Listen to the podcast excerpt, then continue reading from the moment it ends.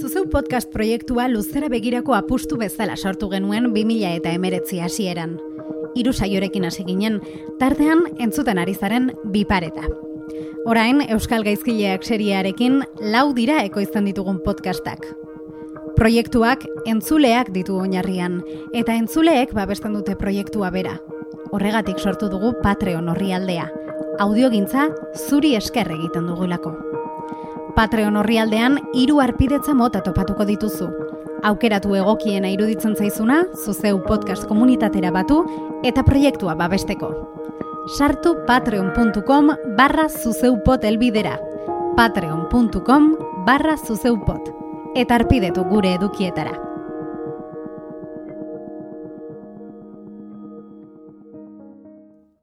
Euskara zari naiz munduko hizkuntza guztien alde. Euskaraz ari naiz munduko hizkuntza guztion alde.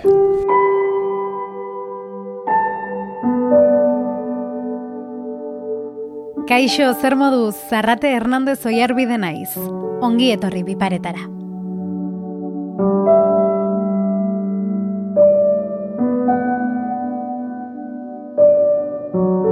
Gaur biparetan, Euskaraz munduko hizkuntza guztien alde.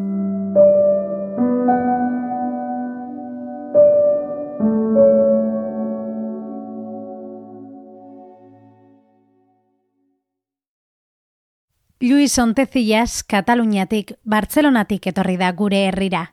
Janus Borkowski berriz, Poloniatik. Euskaraz ari dira Euskal Herrian, eta noski, biak alabiak Euskaldunak dira. Edo ez?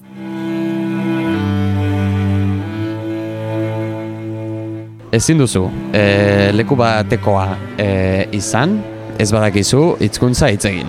Ni dudari gabe ulertzen dut e, Euskaraz erabiltzen denak. Ni horregatik batzuetan ba, gal, galetzen zuen nor zara, ba, ni esateko ba, Euskaldun naiz, ba, ez daukat, Amerika hori esatea. Euskaldunak dira, kultura bizi dena. Nire ustez. Eta pixka bat eh, euskaraz hitz egiten dute. Hizkuntza em, eh, kultura kulturaren base da.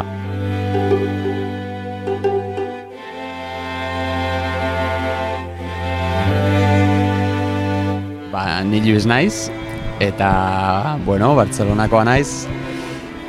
Eta hemen- Donostian elkartu naiz Luis Ontezillesekin. Eh, Urte bete darama eh, irian.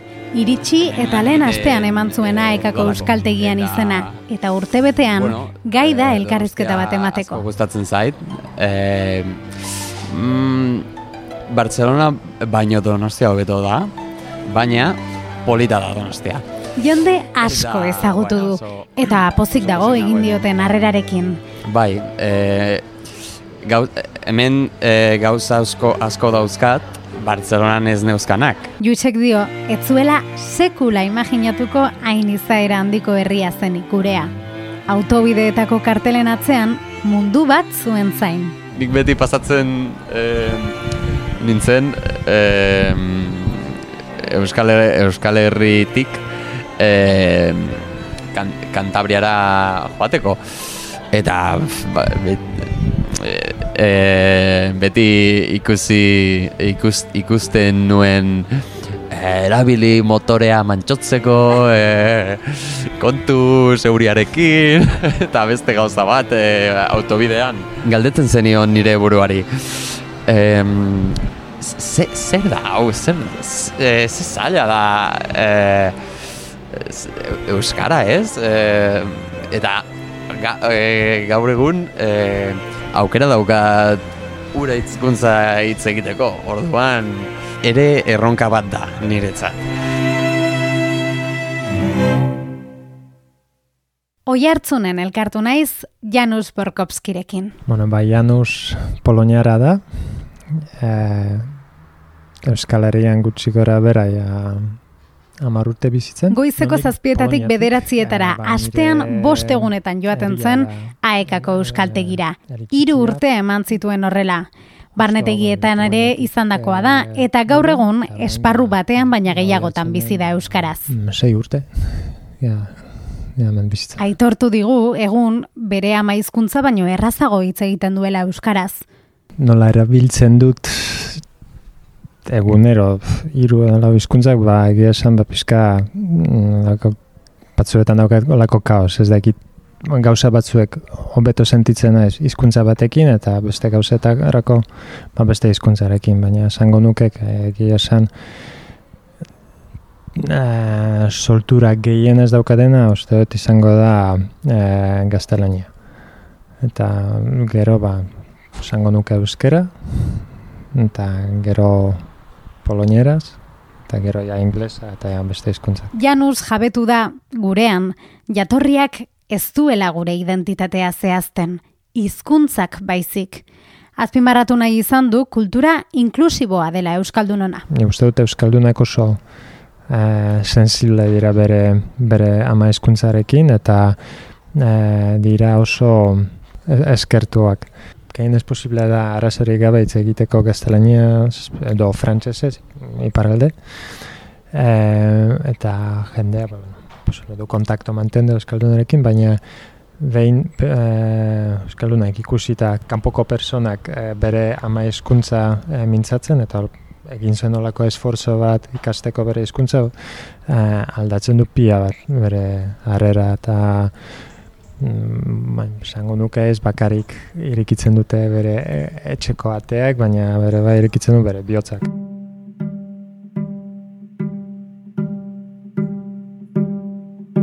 Janus entzat hizkuntza bat jakitea ez da kurrikuluma puzteko zerbait. Izan ere, ezkaituenean behar emozional batek hizkuntza ikastera bultzatzen, kulturaren elementua kanpoan geratzen da. Bertan murgiltzea da hain zuzen, altxorrik balio txuena. Mm, hori ere bat oso motibo hona da, ja, benetan uh, ikasteko euskaraz. Zer, azkenen da uh, zagutzeko euskal kultura da uste dut tresna bakara.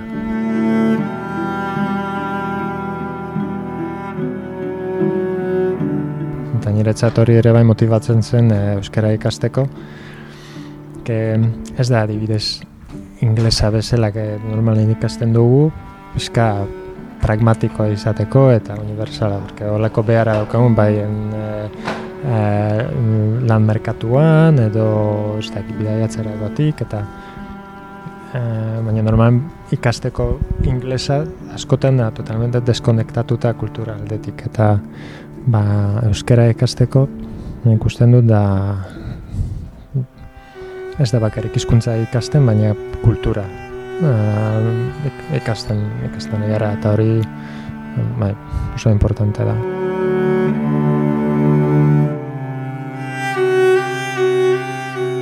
Janus eta Luis maitasunak hurbildu ditu Euskal Herrira. Bikotekideak bertan jaioak direlako. Hemengoentzat zein hangoentzat ama hizkuntzak duen garrantziaz jabetuta, poloniera, katalana eta euskara ikasi dute, eta baita praktikan jartzeko alegina egin ere. Hori ezpada maitasun adierazpen bat? Bera katalane e, nirekin, katalanez hitz egiten e, du. Orduan, e, euskaraz e, ikasi behar e, nuen. Gaur egunen ba, gure etxean ba, bakarrik euskaraz eh, erabiltzen dugu.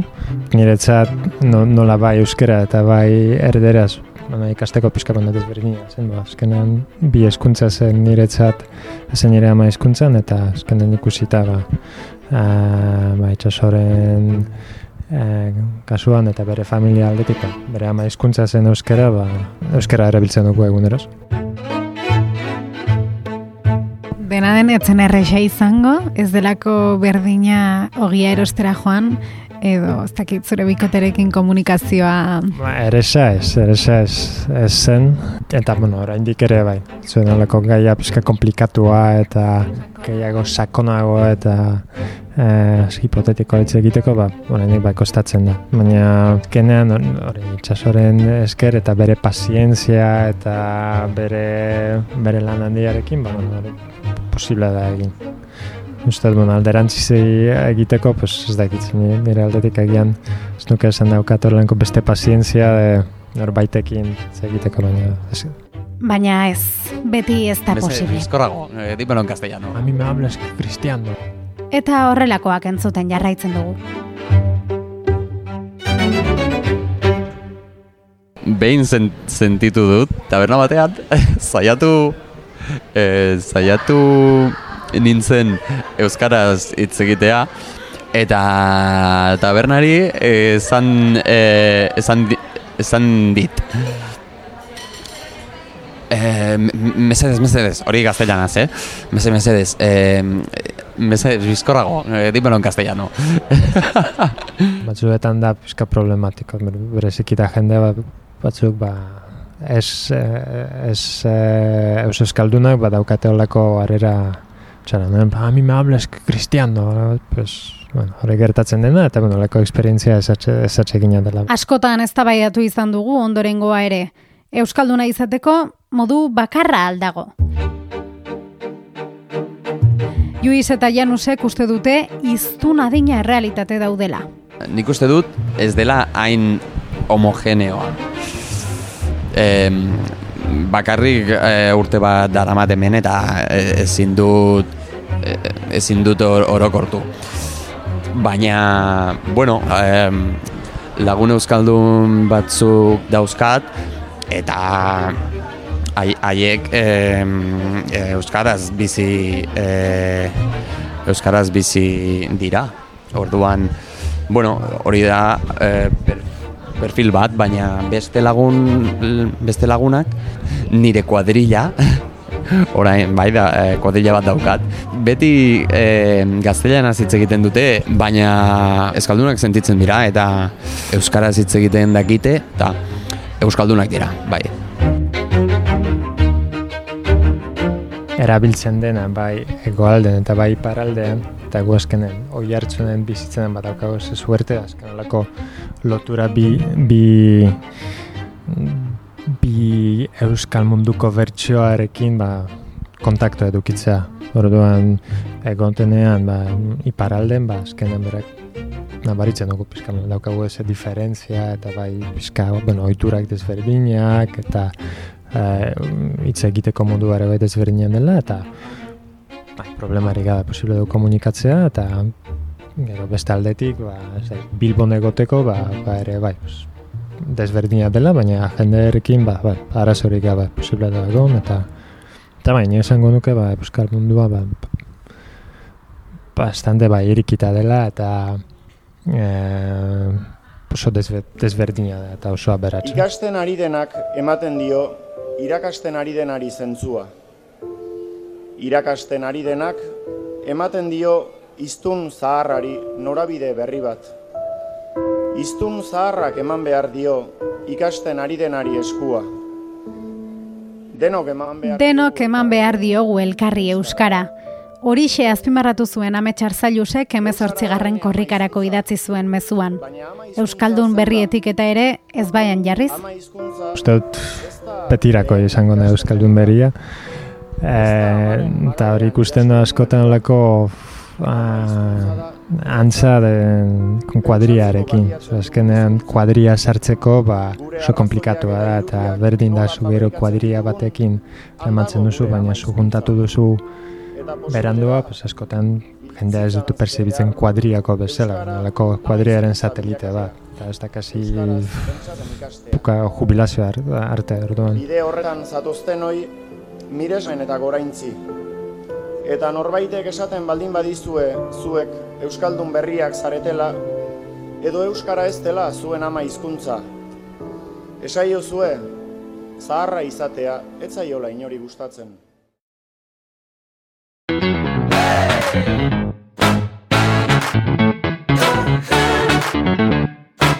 Está guay, está guay. Está guay. Katalana oso garrantzitsua da ni- niretzat. Em, nire ama hizkuntza eh, delako.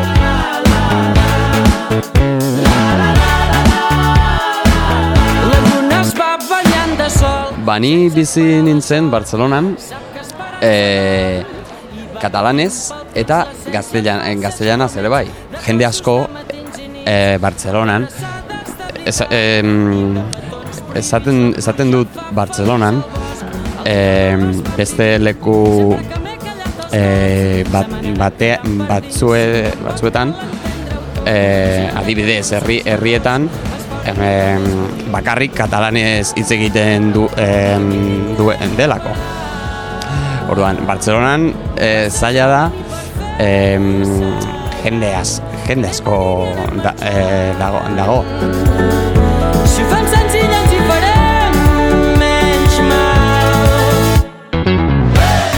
Nik nire familiarekin e, e, katalanez hitz egiten dut. Nire lagunekin e, berdin batzuekin gat, katalanez eta beste batzuekin gaztelanaz. Gurean, hizkuntza ohiturak aldatzeko ariketak egiten ari gara, baina ez kara bakarrak. Bartzelonako testu inguruan kokatuta, hause da Juisek hartu ohi duen rola. Ni- Nik ez daukat e, arrazo, arrazo hori eta gaitasun gehiago ez daukat, baina mm, agian errespetuz katalano, katalanez Haren lagun batzu ez ari da. Izan ere, gertatu izan zaio denda batera joan eta dendariak katalanez hitz eginda ere, lagunek gaztelania zerantzutea. Nik ez dut inoiz aldatzen. Beti e, Bartzelonan edo Katalunian beti katalanez. Haiek ez, ez ba ez badute kat, ka, katalanez eran, erantzun haiek ba, agian e, nik alda, aldatu bere bai, baina e, saiatzen dut ez aldatzea.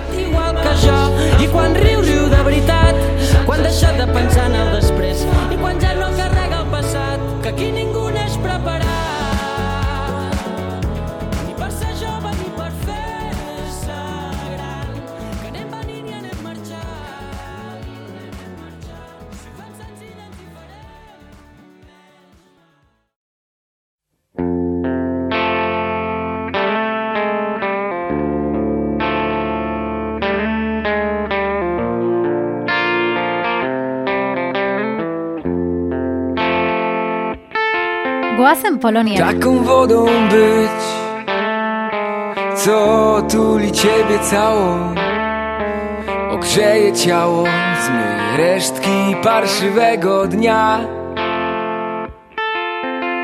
i uspokoi każdy nerw, zabawnie pomarszczy dłonie, a kiedy zaśniesz, wiernie będzie przy twym łóżku stać taką wodą być. A nie tą, co żałośnie całą noc Ba, esango nuke Polonian e, neko larogeita emeretzi, neko larogeita amabos, ba, poloniera da. Han, azkenean ez daukagu horren beste in- hizkuntza minoritariak, daude biolako hizkuntzak propioak, ze, baina nire zonatik ba, oso urrunago da eta da kasu behar ez da em, Baltiko kostan daude zona, zona bat han eh, hizkuntza hau, bueno, kasu behar ez eh, mintzatzen denak eta gero eh, Silesiarea da Poloniako eh, egoalde, eh, egoalde. stuje chłodem Eta Poloniatik kanpos, ba, Poloniara ez mintzatzea, ba, ba zaila da. Eske ez, historikoki hori ez, ez, ez genuen duki koloniarik, ez genuen lako ekspansioekin, orduan e, ez dago beste leku bat Poloniara zitze erabiltzen dena, baina nola eta e, sla, hizkuntza slaviera, Orduan gero adibidez e, Republika Txekan edo Slovakian edo ba, ulertzen dugu mm, elkar bas- mm, bastan, bueno, ondo. Orduan posible du adibidez Republika eh, por, adibidez Republika Txeka joateko gu posible dugu polako hitz egiten eta txeko ba me, txekoz hitz egiten dena, eta posible dugu elkar e, ulertzea.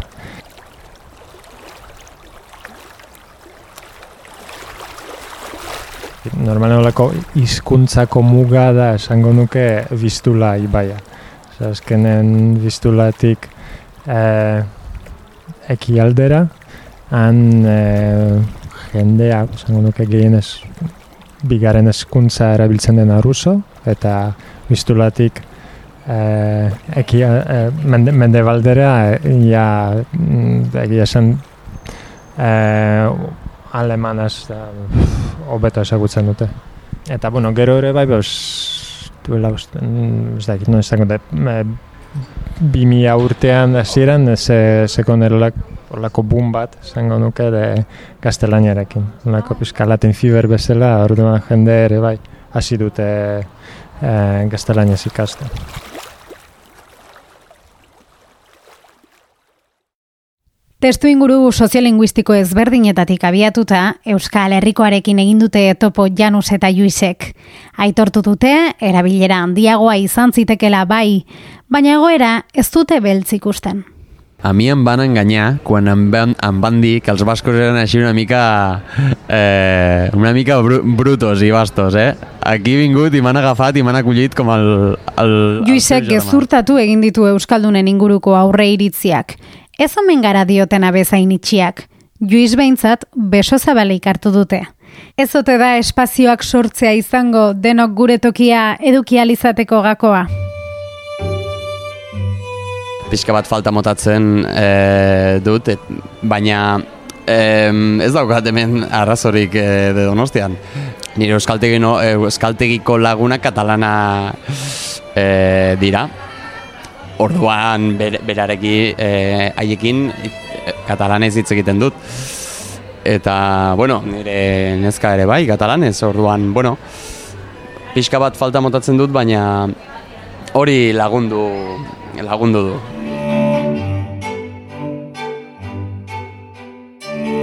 Sz- szczerze powiedziawszy, e, nire kasuan azkenen ez nuen eduki olako aurre eritziak. Zegia esan ez, ez nekien asko Euskal Herriari buruz, e, saia zen inkluso nire kokatzeko mapan non daude. E, entzuten hasieran de nola hitz egiten zen de pertsona, neska laguna bere kuadriarekin, ba, nire esan pentsatuen turkoak zela, eta ez Euskaldunak, orduan, bai, niretzat, etorri, etorri nintzen duna, bueno, eh, hori garbiarekin. Zein oso bekturetuta, bekturetuta meskaia. Uh, egia esan batzuetan pizka inkomodatzen naiz. Nire ama eskuntzarekin. Falta da olako soltura bat eta uh, ja, namerezidan batzuen pizka olako hautsaz beteta da. Horren beste urte eta gero, bat pizka ja, uste dut olako de uh, soltura galtzen dut.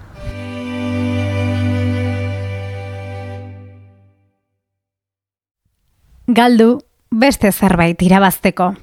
Erronka guztiek dute aldaparen bat, batzuetan besteetan baino gogorragoa bai, baina baita ere alde aringarria, argia ikusten dugun momentu hori. Eta bat batean, logika dauka ezinezkoa zirudienak.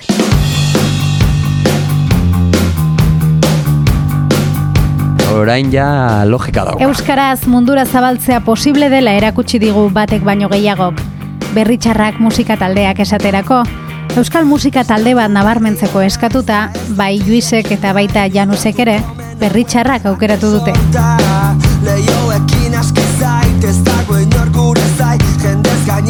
Kasualitatea edo ez, haiek ere Euskaraz aritu baitira munduko hizkuntza guztien alde. Argia profitatu Zamnez bat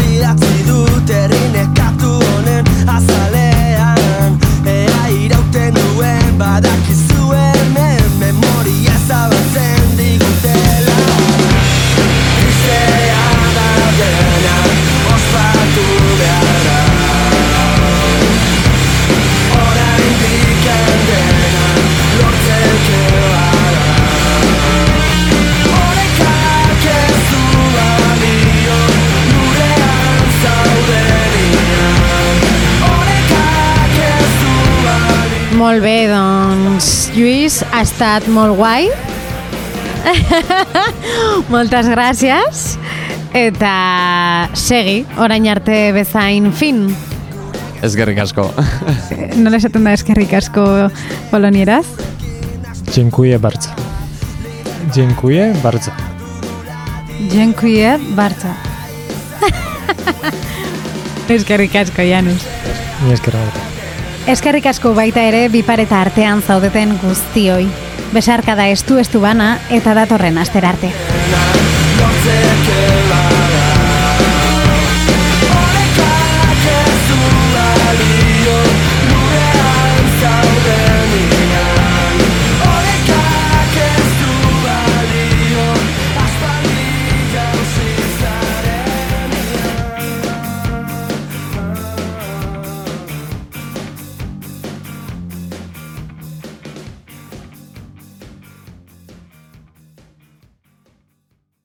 Edo zein audio plataformatan entzun dezakezu zuzeu podcast. Spotify, Apple Podcast, Stitcher, eta bestela sartu podcast.eus elbidera. Hori da, podcast.eus. Eta bertan topatuko dituzu ekoizten ditugun saio guztiak.